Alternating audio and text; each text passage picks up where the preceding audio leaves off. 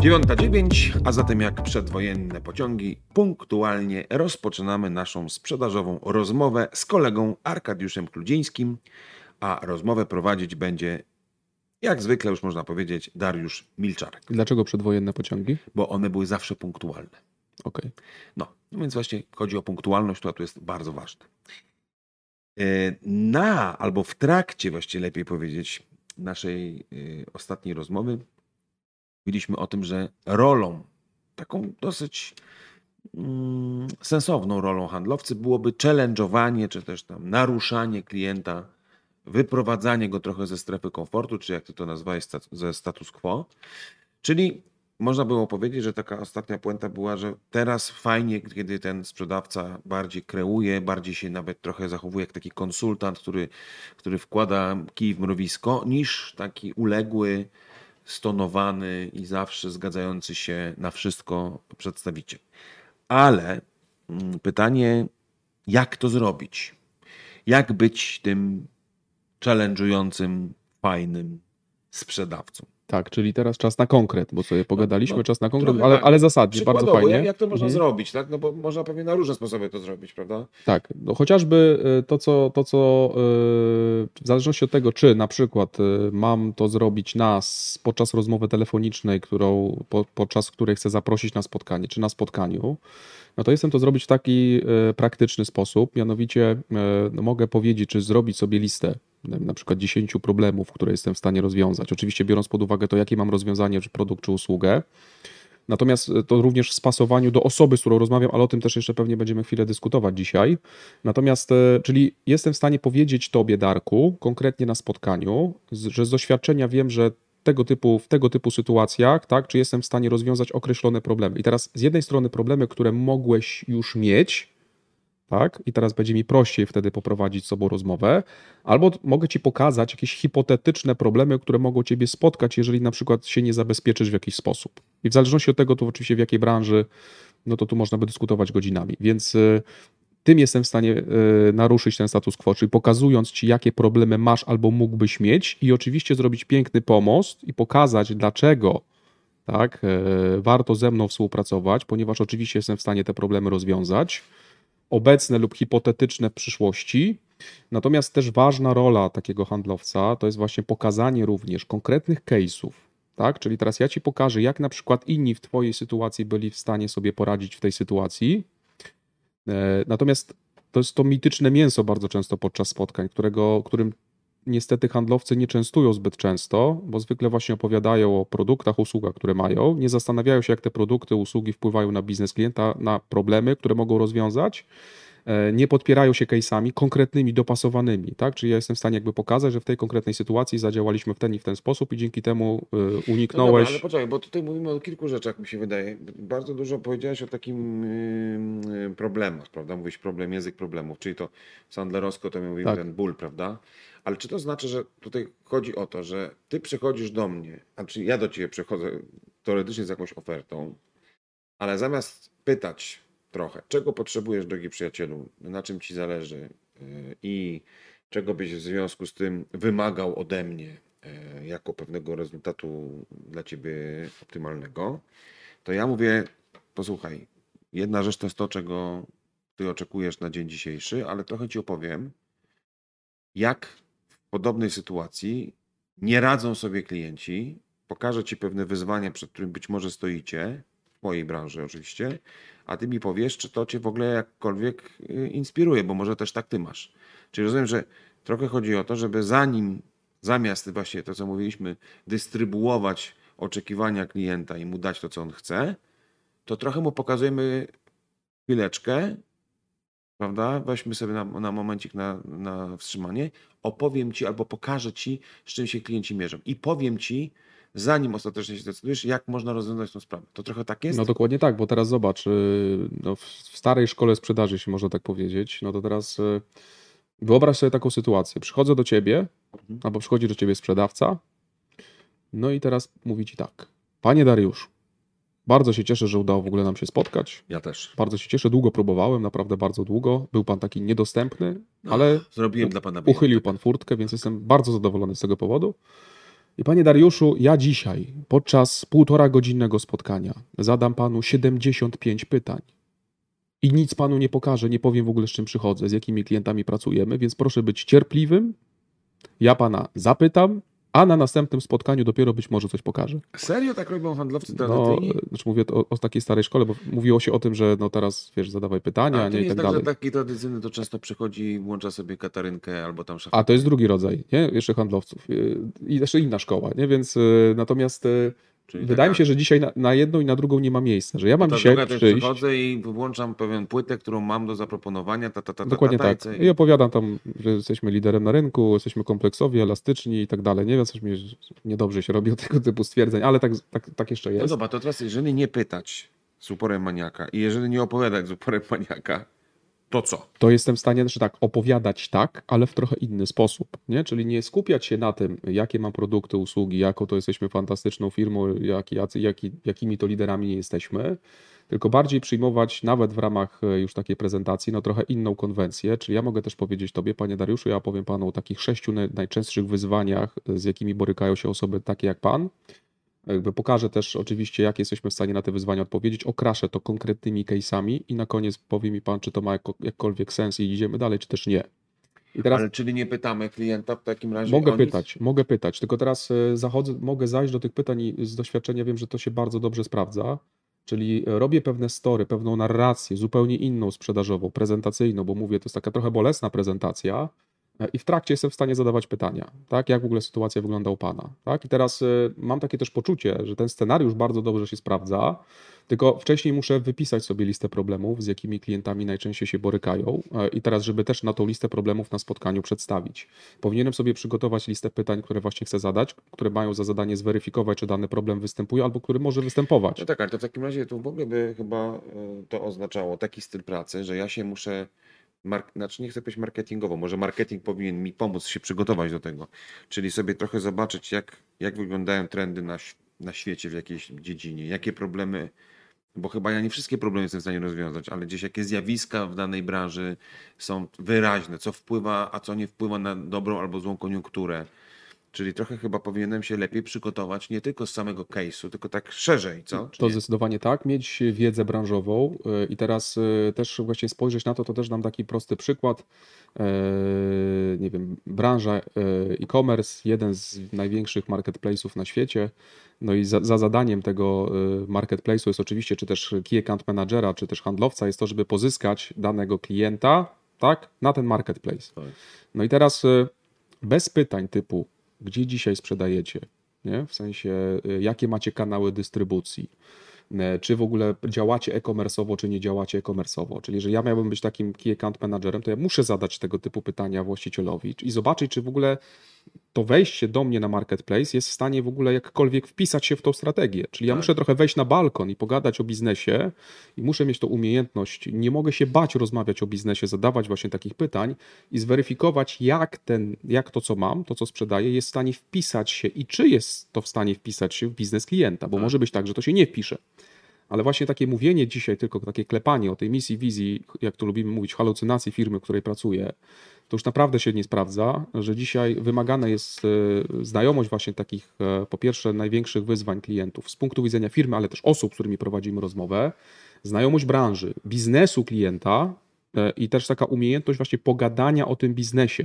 I wtedy ten handlowiec jest w stanie wejść na zupełnie inny level, na inny poziom e, i wtedy też jest zupełnie inaczej postrzegany, bo jest postrzegany jako właśnie, tak jak mówiłeś, ekspert, jako osoba, która zna się tutaj, mało tego, jak mówi o problemach, to mówi, o, gościu, Tak. to on się Znaczy, zna, nie? Mi się podoba bardzo ten punkt widzenia. Ja, ja, ja go bardzo lubię. On ma tylko jedną, nie wiem czy wadę, ale pewną, pewne zagrożenie.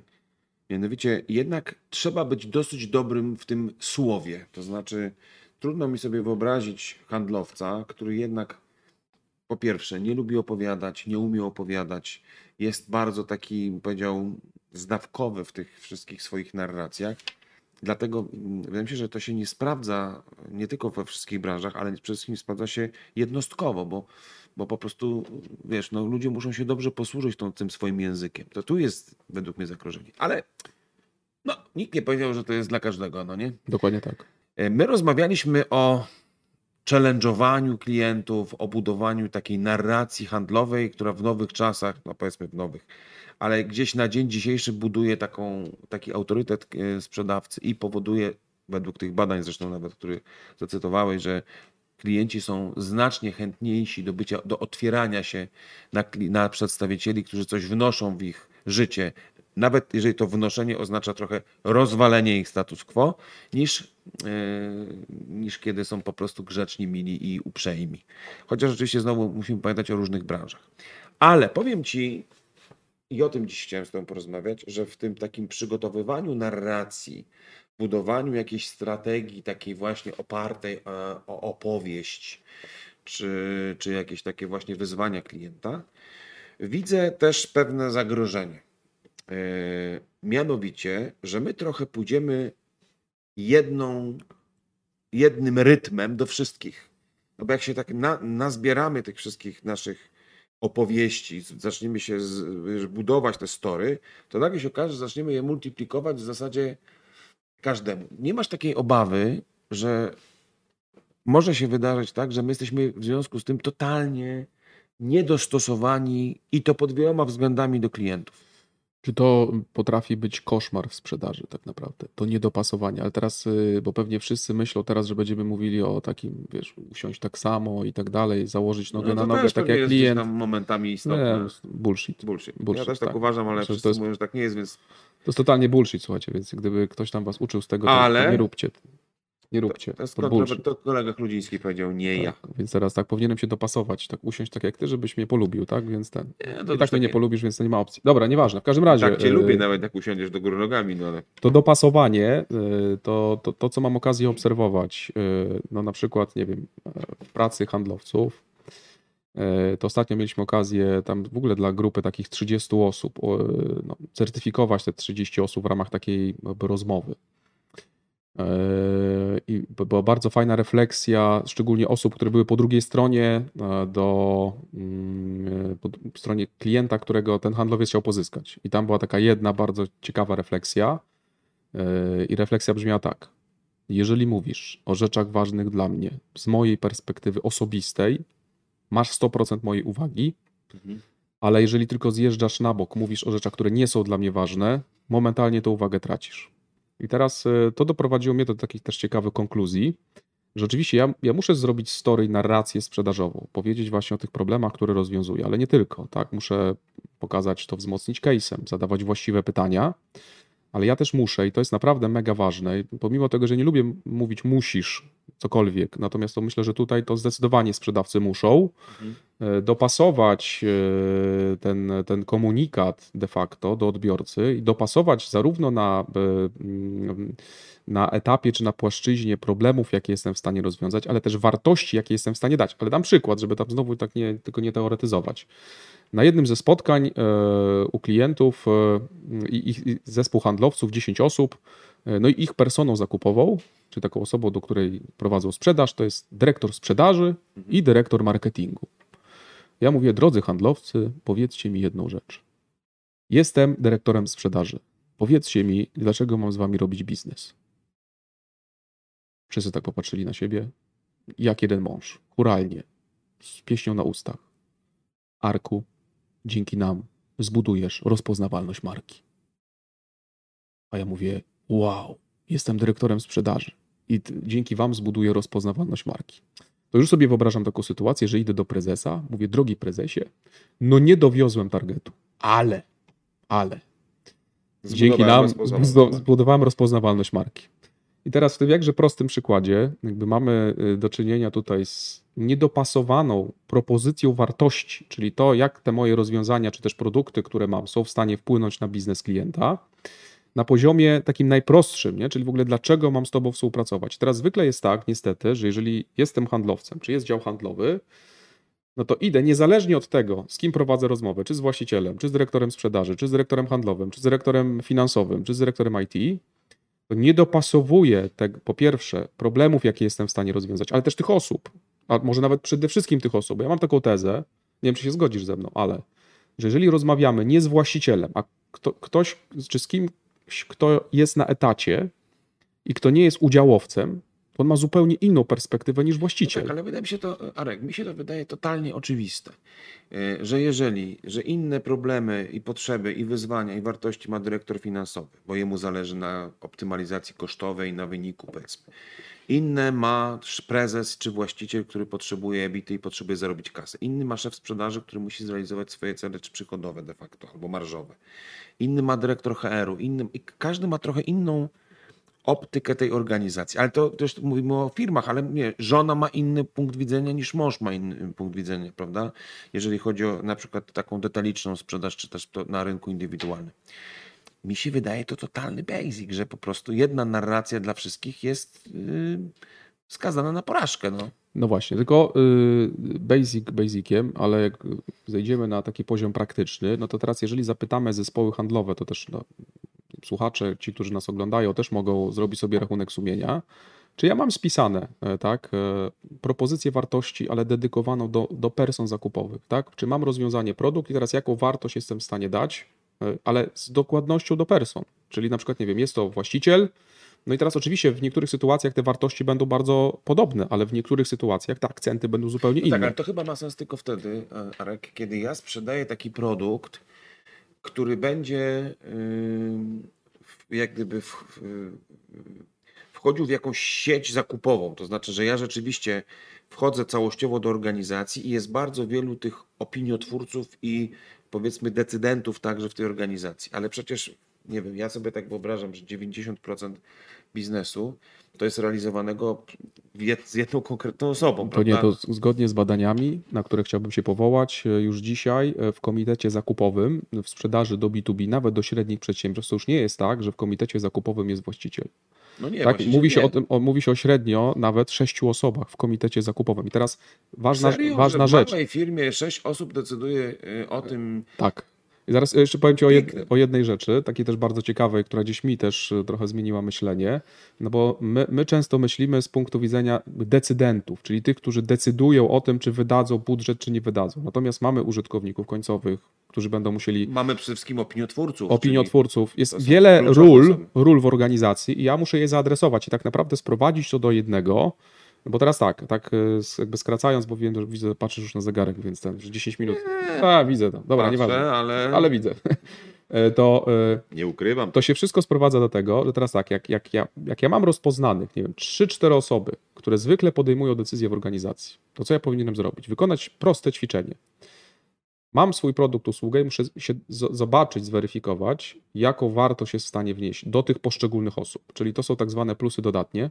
Mhm. Tak? Czyli dlaczego warto z Twojej perspektywy wejść ze mną w biznes, ale ja też powinienem sobie zapisać tak zwane bariery decyzyjne, to są takie plusy ujemne. Czyli dlaczego ktoś może nie pójść ze mną, czy teraz robię sobie taką prostą tabelkę, plusy dodatnie, czyli dlaczego warto, ale z punktu widzenia person, a nie tylko firmy, i też plusy ujemne, czyli dlaczego nie chciałbyś skorzystać z tego. Nie w tym sensie, bo to jest, nie wiem, czas, nie chce ci się po prostu, to no to takie, takie druga strona medalu, tak? I, Tak a, I analitycznie do tego podchodzę, na przykład idę na spotkanie, mam na spotkaniu, nie wiem, głównego księgowego, właściciela i załóżmy dyrektora sprzedaży, sprzedaję jakieś rozwiązanie, no i teraz jakby opowiadając mówię o tym, że dlaczego warto. Patrzę na głównego księgowego i mówię z tych plusów do niego, patrzę na właściciela i mówię z plusów dla niego i patrzę tam na kogoś z HR-u e, i mówię z plusami do niego. I teraz z drugiej strony jeszcze op- umiem opowiadać o tym w ten sposób, że teraz na przykład jeżeli wiem, że częstym powodem, i to serio, dla którym w, organizacji, pomimo tego, że widzimy wartość, nie chcemy zrobić kolejnego kroku, jest co? Nie chce mi się. Więc zaraz ja muszę szukać takich sposobów na to w ramach tej sprzedaży, żebym pokazać drugiej stronie, że, że zyskujecie możliwie jak najwięcej, tylko tymi plusami dodatnimi muszę bardzo precyzyjnie się pos- posługiwać, ale też od razu pokazywać, i tu już kończę, że się trochę nie narobicie przy tym. Nie? W tym sensie, że nie musicie się angażować czasowo, jakichś zasobów wewnętrznie. I wtedy, jeżeli znajdziemy tego świ- świętego grala, czyli że zyskacie możliwie jak najwięcej z punktu widzenia osób i włożycie w to możliwie jak najmniej wysiłku, no to wtedy jestem w stanie zwiększyć prawdopodobieństwo No sprzedaży. to parkujemy, wrócimy do tego jakże ciekawego wątku ju, już jutro. Doszedłeś chyba ty do takiej oto puenty, albo ją raczej pokazałeś. Chcesz powiedzieć, że byłem inspirujący. Byłeś inspirujący, właśnie, że dobry przedstawiciel czy dobry sprzedawca, po pierwsze, rozumie, że proces sprzedaży to jest umiejętne przekonywanie różnych ludzi w organizacji i że ci różni ludzie w organizacji, do których chcesz dotrzeć, mają różne punkty widzenia I swoje interesy. i różne swoje interesy i trzeba tą narrację zazwyczaj przygotować z myślą o konkretnych osobach. I to wczoraj y, słusznie pokazałeś. Mnie trochę zaskoczyło to, co powiedziałeś, że nawet w małych organizacjach y, tych ludzi decyzyjnych często jest dużo więcej. Y, Chociaż oczywiście pewnie to zależy od tego, co sprzedajemy, bo jeśli sprzedajemy rozwiązania, no to pewnie tak jest. Jeśli sprzedajemy jakiś bardzo prostą produkt, y, który w zasadzie rozmawiamy zwykle z jedną jakąś konkretną osobą, która robi zamówienia, pewnie, tych ludzi może być mniej, no ale jednakże jest ich więcej niż tylko jedna. No nie? I ja ci powiem, że, ta, znaczy, że skuteczność tego myślenia jest y, na pewno związana z tym, że ja umiem przede wszystkim zbudować taką mapę decyzyjną u klienta. Ja kiedyś miałem takie ciekawe ćwiczenie z ludźmi, którzy są, to się ładnie nazywa, large account managerami i pracują na tym rynku enterprise, takim dużych organizacji. I mówię, słuchajcie, kochani, zacznijmy od tego, żebyście mi narysowali strukturę organizacyjną swojego największego klienta. No i się nagle okazało, że 90% nie potrafiła tego zrobić. Ja mówię, "Cz- czemu tego nie wiecie? No bo my nie wiemy, jak na strukturę organizacyjną, my się nie zajmujemy strukturą organizacji naszego klienta. No ale to ile osób zidentyfikowałeś w organizacji? No dwie. Z tym gadam i czasami z tym gadam. Może czasem jeszcze z tym. Tymczasem przecież, już mówimy o dużej organizacji, taka struktura organizacyjna pozwala nam po pierwsze umiejętnie zmapować kluczowe osoby, zobaczyć, kto ma wpływ na podejmowanie decyzji, gdzie są właśnie ci decydenci, a gdzie są opiniotwórcy. I wydaje mi się, że jakby największym zadaniem będzie dla nas po pierwsze taką identyfikację za, zrobić, czyli zmapować proces decyzyjny. Zgoda? Czy absolutnie zgoda. E, I teraz e, zwykle to też jakby nie jest jakaś trudna robota, nawet e, żeby nie iść w stronę zgadywania, kto zwykle może być, albo tam kopiowania, że to nie wiem, mamy dyrektora finansowego, zakupowca. Ostatnio w ramach jednej z firm i, i współpracy właśnie przy projekcie wdrożeniowym, e, producent, jeden z producentów tutaj spod Katowic, e, no, była przygotowana i zrobiona analiza wygranych i przegranych szans sprzedaży. No i tam w ramach jednego z, jednych z pytań było, e, kto właśnie bierze udział w procesie podejmowania decyzji. No, na przykład, nie wiem, jeżeli segmentem jest, są firmy korporacyjne albo nawet firmy właścicielskie, no to taka pierwsza myśl, nie wiem, właściciel, no to właściciel podejmuje decyzję, nie? No rozmawialiśmy o tym na poprzednim spotkaniu. A okazuje się, że jest technolog, który jest bardzo y, tutaj wpływowy, jeśli chodzi o pode- podejmowanie decyzji i żeby było zabawnie albo mniej zabawnie, on był totalnie pomijany w procesie pozyskania, tak? Więc y, nie był zapraszany na No tak, spotkania. ale to jest takie myślenie, wydaje mi się, że to właśnie ludziom się kojarzy często, że kto podejmuje decyzję, a to przecież... To jest y, błędne To jest myślenie. błędne myślenie. Zresztą wydaje mi się, że często ważniejsze jest taki kluczowy opiniotwórca albo opiniotwórcy, z, którym, z, z których zdaniem liczy się często ten decydent, prawda? No bo on często nie jest zaangażowany bardzo detalicznie w analizę jakiegoś rozwiązania, tylko raczej na zasadzie tam wewnątrz ludzi mówią, to weź mi tam powiedz, który według ciebie jest dobry, a on potem ostatecznie klepie to, prawda? Więc Tak. właśnie często popełniamy taki błąd. Ale wiesz, jeszcze jest jedna rzecz, wydaje mi się ważna. Bo jedna kwestia to jest rola klientów jakby w procesie zakupowym. No nie, no bo mamy inicjatorów zakupu, czy takich interesariuszy, mamy decydenta, mamy opiniotwórców, czyli taki sufler, jakby to my mówimy. Mamy wreszcie tych end userów, którzy gdzieś na koniec będą Tak. z tego korzystać. To są jakby identyfikacje. Ale oprócz tego zobacz. Mamy taką na pewno jeszcze perspektywę, kto ma wpływ, a kto, ma, a kto nie ma wpływu w organizacji. Czyli niezależnie od tego, jak gdyby kto jaką formalnie funkcję pełni w podejmowaniu decyzji, to jeszcze musimy wiedzieć, kto, z czyim zdaniem się tutaj ktoś liczy, a z którym się nie liczy, chociażby po to, żeby nawet jeśli ten ktoś, załóżmy, nie jest w tym procesie decyzyjnym żadnym kluczowym graczem, to jednak na przykład zaadresowanie siebie czy swoich działań w stosunku do niego może naszą pozycję podwyższyć, bo on powie, panie dyrektorze, ja wiem, że pan nie bierze udziału w tym procesie, ale pomyślałem sobie, że ciekaw jestem pana opinii, ja mogę go trochę włączyć, prawda? Włączyć. Włączyć w jakby w ten proces. Ale też zobacz, jest jeszcze jeden bardzo ważny element, że my mamy często w organizacji sojuszników, mamy ambasadorów, takich, którzy nas nawet są w stanie polecić i rozprowadzić, ale mamy przeciwników i mamy wrogów, Mhm. którzy często są w danej organizacji ambasadorami naszej konkurencji. Czyli z tej perspektywy mi się wydaje, że nie, jakby zobacz, ile ludzi czasami warto byłoby zidentyfikować w tej organizacji, żeby zbudować sensowną narrację. Absolutnie tak. Jeszcze powiem o jednej rzeczy, bo to tak kilka lat temu mnie dosyć mocno jakby trafiło, taka sentencja, taki zwrot, że ja z jednej strony oczywiście robię to wszystko, czyli mapuję te osoby w tym procesie decyzyjnym, e, tylko też myślę, że powinniśmy się jakby wyleczyć, właśnie to dobrze o tym powiedziałeś, z takiego myślenia, że no, mamy decydenta, tak, czy decydentów. No nie, są osoby, które mają wpływ, więc ja tak naprawdę jednym pytaniem jestem w stanie uruchomić yy, zdobywanie wiedzy od klienta, jak chociażby jak wygląda ten proces podejmowania decyzji, jakie Albo są kolejne kroki, jak zwy... dokładnie Jak tak, pan- jak zwykle podejmujecie wewnętrznie, yy, co zwykle w ramach kolejnego kroku się dzieje. I teraz tak naprawdę ja powinienem to zrobić i optymalizować te kolejne kroki pod kątem mojego procesu pozyskania, ale też ta ważna rzecz, która mnie kilka lat temu ukuła i to dziś siedzi w głowie, to ja też muszę mieć takie myślenie dzisiaj, chociaż wiem, że to nie jest takie częste, jeśli chodzi o zespoły sprzedaży, że jak ja mogę, uwaga, pomóc klientowi w procesie podejmowania decyzji. Co ja mogę mu dostarczyć, jakie materiały. No jeżeli ja na przykład wiem, że ty pójdziesz gdzieś dalej na zarząd, to ja cię zapytam, panie Darku, no to w takim razie takie krótkie pytanie, to co ja powinienem panu dostarczyć, jakie materiały, co pan będzie pokazywał? A może zrobię tak, że może ja pójdę na zarząd, żeby pan nie musiał tam odpowiadać na te pytania, E, Więc ja w swojej myśli, tak, bo cały czas mam dobrą intencję, to też nie jest tak, że tylko chcę ugrać swoje, ale zastanawiam się, jak ja mogę pomóc Tobie w procesie podejmowania decyzji, czyli oprócz tego spisania tych plusów, minusów, plusów dodatnich i ujemnych, tak, i precyzyjnego przejścia przez to w tym procesie pozyskania, to ja też będę chciał drugiej stronie, czyli mojemu klientowi ułatwić ten proces, tak, nie wiem, przygotować dokumenty, materiały. Ja zwykle mówię, że tam Pani Agnieszko, po prostu proszę od razu mówić, gdyby cokolwiek było potrzebne, ja coś nawet po nocach przygotuję, ale żeby pani ułatwić robotę. Bo wiem, pamiętajmy też o tym, że stety, niestety, ale jak my sprzedajemy jakieś nie wiem, rozwiązanie, produkt, usługę, no to jesteśmy takim kawałkiem w wycinku tego kogoś, do, do kogo sprzedajemy. I teraz też musimy mieć zawsze z tyłu głowy to i zawsze odpowiadać sobie na pytanie na każdym etapie, jak ja mogę pomóc temu klientowi właśnie w procesie podejmowania decyzji, jak mogę mu ułatwić tą robotę, no bo coś najgorszego, co mogę zrobić, no to nie wiem, na spotkaniu mówisz, tak, paniarku, w ogóle zróbmy biznes, tak, zróbmy jakiś kolejny krok, no to wyśmienicie, to tam proszę tam wewnętrznie sobie to przegadać i tak dalej, ja do pana zadzwonię za tydzień i za- zapytam, jak sytuacja.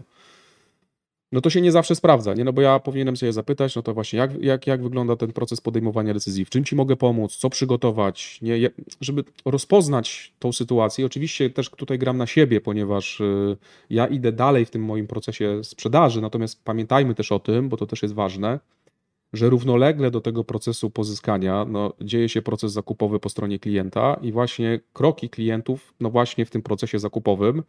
I ja oczywiście ten swój proces sprzedaży, bo to jest myślę też mega ciekawy temat, powinienem dopasować do procesu zakupowego klienta e, i przede wszystkim ułatwić mu ten proces, nie utrudniać. E, Także e, mega ważny temat. No dobra, ale to jest tak, bo, bo myśmy trochę o tym zaczęli mówić też dlatego, żeby, że, że to nam pomoże właśnie sobie trochę zróżnicować ten przekaz, prawda, do y, różnych osób, czyli mając jakieś rozwiązanie, jakiś produkt, no nie popełnimy takiego błędu, że będziemy tą samą śpiewką atakować wszystkich. Nie tylko oczywiście pewnie ta, ta, ta treść jest ważna, ale też forma, tak? Wiadomo, że szef nie lubi za dużo szczegółów, a ten z tym może szczegółów dać więcej. Ten jest bardziej specjalistą, więc możesz wejść trochę w techniczne sprawy, a tutaj bardziej pokazujesz poziom biznesowy na przykład, prawda? I tak dalej. No dobra, fajnie, bo to, bo to dobry punkt widzenia. Wydaje mi się, że to jest właśnie taka trochę umiejętność rozłożenia mojej narracji, ja lubię to, to słowo narrację, na różne osoby, które są jakimiś graczami w organizacji. Tak, ale zobacz rozłożenie w jaki sposób? Rzemieślniczy. Po prostu układam to sobie, przygotowuję, Też powiedzieć, że a nie też idę jako wirtuoz tam, wiesz, nie? Na zasadzie, a jakoś to będzie, nie nie? Zaczaruję. cały czas deprecjonujesz Messiego. Do zobaczenia e, w następnym odcinku.